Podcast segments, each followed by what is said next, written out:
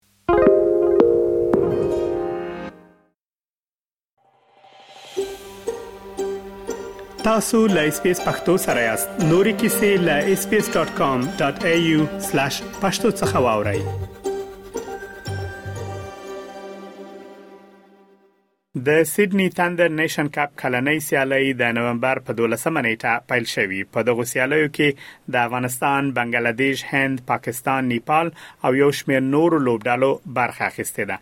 د همدغو لوبو په اړه د لا ډیرو جزیاتو لپاره غواړم د افغان ټولنې د لوبډلې له مشر ښاغلي ضیاءالحق عبدالرحیمزي سره مرکه ترسره کړم. عبدالرحیمزی صاحب! ډیره زیاته مننه چې د مرکې لپاره مو وخت راکړ په پیل کې که مهرباني وکړئ او زموږ له اوریدونکو سره معلومات شریک کړئ چې د سیدنی تندر نیشن کپ کلنۍ سیالۍ څه وخت پیل شوې دي د کوم لوبډلو ترمنځ لوبې تر سره کیږي او چیرته بله مننه چې موږ ته بلنه راکړله په لومړی کې زه خپل سلامونه او احترامات تاسو ته او د اس پی اس پښتو رادیو اوریدونکو ته وړاندې کوم نورازو ستاسو د سوال په اړه د سیدنی تندر میشن دغه کننۍ لوبي لکه څنګه تاسو په خپل سوال کې ویلې دا په دې تیرې اونۍ په اخر کې یک شنبه په ورځ تر سره شولې نو د افغانستان ټیم هم کې شامل وو موږ سره تکړه ځوانان دولس نفره وو چې ښه آمادګي ورته درلودله دغه سیالۍ چې دي د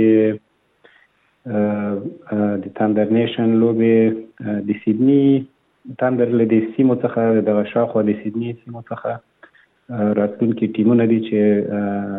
دغه کې ګډون کوي او دا د تندر نیشن په نوم پیژندل کیږي د استرالیا ملي سپورت کرکټ چې ده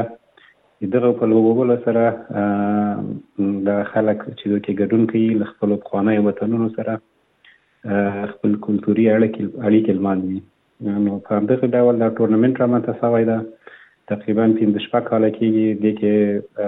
افغانستان ټیم هم شرکت کوي د نورو ملکونو نیپال استرالیا سریلانکا او فیجي دغه نور ممالک هم پکې دي چې دوی هر کال پکې ګډون کوي او د افغانانو استرلیایي ځوانانو ټولنه د ټورنمنټ کې د سندي تنده سره ملګرتیا کړې ده او د افغان کمیونټۍ په استازیتوب یې د افغانستان تر نیشن ټیم سره یو ځای کړی ده چې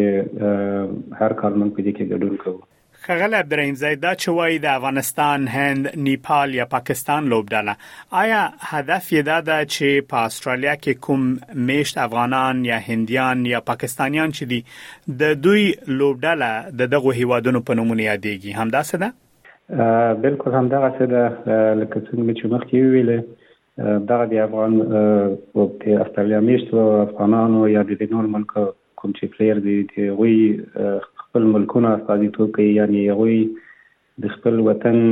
هغه اړیکې دوی لمانځي په یوه حساب اصطلاح سره او دغه لوبې چې عبدالرحیم ځای صاحب تر سره کیږي په دغه کې کوم لوبغاړي چې دی آیا دا یوازې باید د نیو ساوث ویلز ایالت اوسېږي کله نور ایالتونو د استرالیا نه هم افغانان کولای شي راشي د افغانستان په لوبډله کې شامل شي څه سوال دی وک و ولې نه خو اکثریت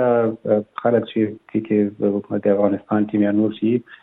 سیدني کې اوسیږي نو بالکل کولای شي نور دوستان له نور ځایونو راسي خو دوی د سیو پروسه لري چې ټرایلز ورته وایي نو هغه ټاکل کیږي او معینه ځای ټاکل کیږي نو هغه ته باید اکثریت هغه پلیر راشي او ټرایلز ورکړي نو بیا د ټرایلز نه وروسته ټیم منتخب کیږي او تقریبا اتیا نوي فیصده د سیدني تندر هغه استازي دي چې هغوی یې پلیئرز هغوی انتخابوي. ښاغلی عبدالرحیم زی، د سیدني تندر کپ سیالیو اصلي موخه څه ده؟ ایا هدف یې یوازې دا ده ترڅو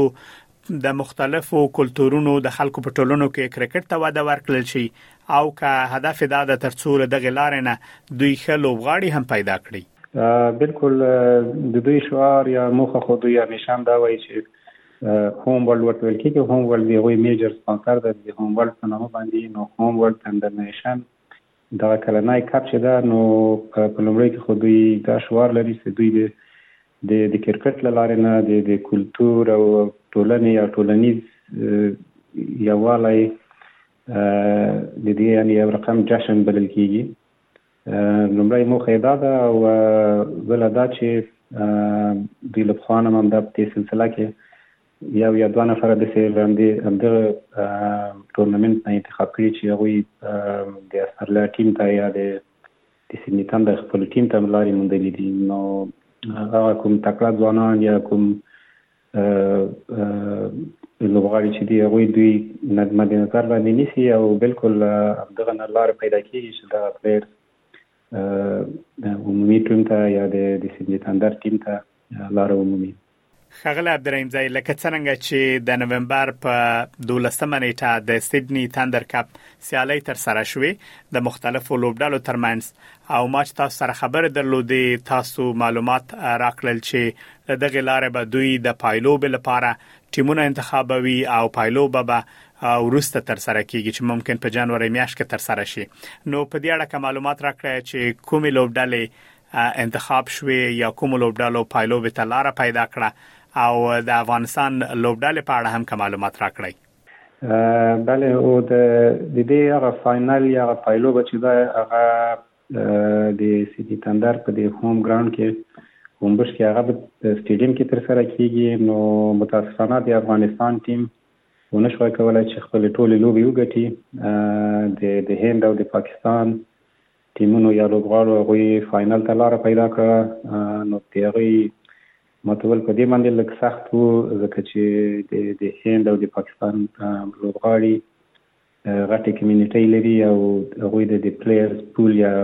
حوز غوره لري نو د دغه یو وجه ده چې د دوی ټیم هم همیشه د دوی ماتول ډیر سخت کار وي نو بیا هم په تیرو کې موږ د پاکستان هند دوی سره ښې لوبې درلودلې، دوی ته هم ښه شکست ورکړی ده، خو متاسفانه دا ځل باوجود چې موږ دې ټیم ښه تیاري درلودله، یو دوه پلیئرز هم هغه نه وو خیر، خو بیا هم موږ کوشش پوره وکړ، تیاري نیولې وه، نو یو دوه ګیمونو کې پاتې راغلو او فاینل مسابقه چې ده هغه د هند او د پاکستان د ټیمو تر له منځه په اتم تاریخ د جنوري د سیمې تندر سټیډیم کې به تر سره کیږي ښاغلی عبدالرحیم ځای په راتلونکو کلونو کې څرنګه کېدای شي چې د افغانستان لوبډلې ته هغه کسان چې سکل ګډون نه دی کړی یا هغه ښه لوبغاړي چې د افغان ټولنې لري او غواړي اشتراک وکړي سکل اشتراک نه دی کړی راتلونکو کلونو کې څرنګه کولای شي په دغه لوبو کې برخه واخلي ان شاء الله موږ دې باندې به کار کوو او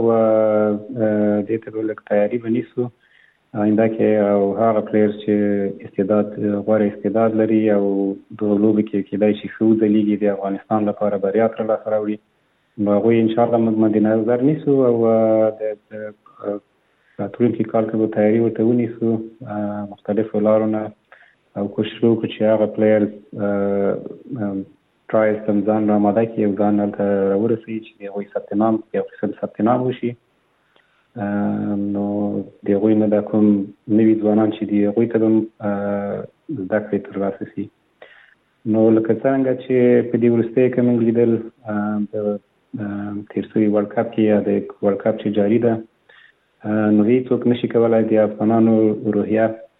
وړیا تر تر پوښتنې لاندې راولي نو موږ په دې سیالۍ کې په کومه کچه چې لوبي تر سره کړې دي او او د ټولو ټیمونو بریا او بریالي شوي د غوره ټیمونو په مقابله کې نو دغه رنګ هم موږ کوشش وکړو چې د افغانستان د ټیم غوندې هغه افغانان چې کوم دلته اوسېږي انشاالله هغوی ښه پوره جذبه لري او د خپل وطن لپاره به انشاالله په آینده کلونو کې بریا ترلاسه کوو. ښاغلی ضیاء الحق عبدالرحیمزی ډېره زیاته مننه چې دغه معلومات مو زموږ له اورېدونکو سره شریک کړه. ډېره زیاته مننه تاسو نه او منیب صاحب د اس بي اس پښتو رادیو نه ډېره زیاته مننه نړۍ مننه چې مونږ ته مو خپل وخت راکړو دې پروګرام کې. که غواړئ دغه سنوري کیسې هم او رینو د خپل پودکاسټ ګوګل پودکاسټ یا هم د خپل خاكي پر پودکاسټ یو اورئ